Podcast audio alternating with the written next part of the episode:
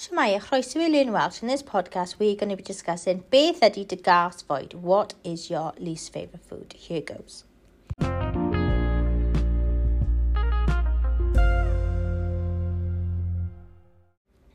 So the question that goes with the negative adjectives is Beth ydy dy gas fwyd di?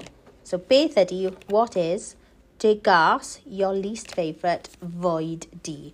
So gas causes a soft mutation as well. Boy changes to void. So it's beth ydy dy gas void di? Beth ydy dy gas void di? So what is your least favourite food? So let's go over the adjectives and reasons. Diflas, so tasteless. Diflas. Drwg i chi, wael i chi. So it's bad for you. Llawn braster, full of fat.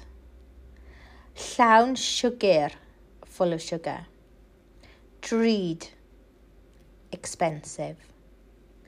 Dros ben llestri, so it literally translates as over the dishes, but it's an idiom to say over the top. So maybe the dessert is too chocolatey, it's got too many th- sprinkles or whatever, it's too much over the top for you.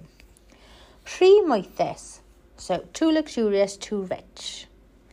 Brwnt, so dirty. Okay, maybe I don't know certain foods, veg or whatever that you dislike because you've got to clean them.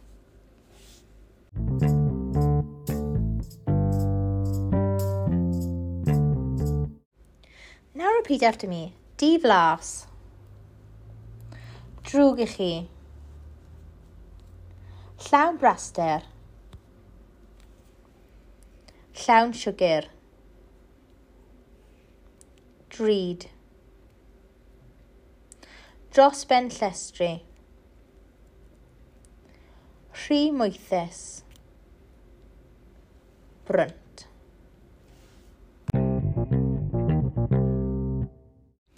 Diolch yn fawr iawn am rando. In our next podcast, we are going to be discussing beth ddyle ti fwyta, what should you be eating, beth ddyle ti ddim fwyta, what shouldn't you be eating. So the conditional tense concentrating on should. Diolch yn fawr, hwyl fawr.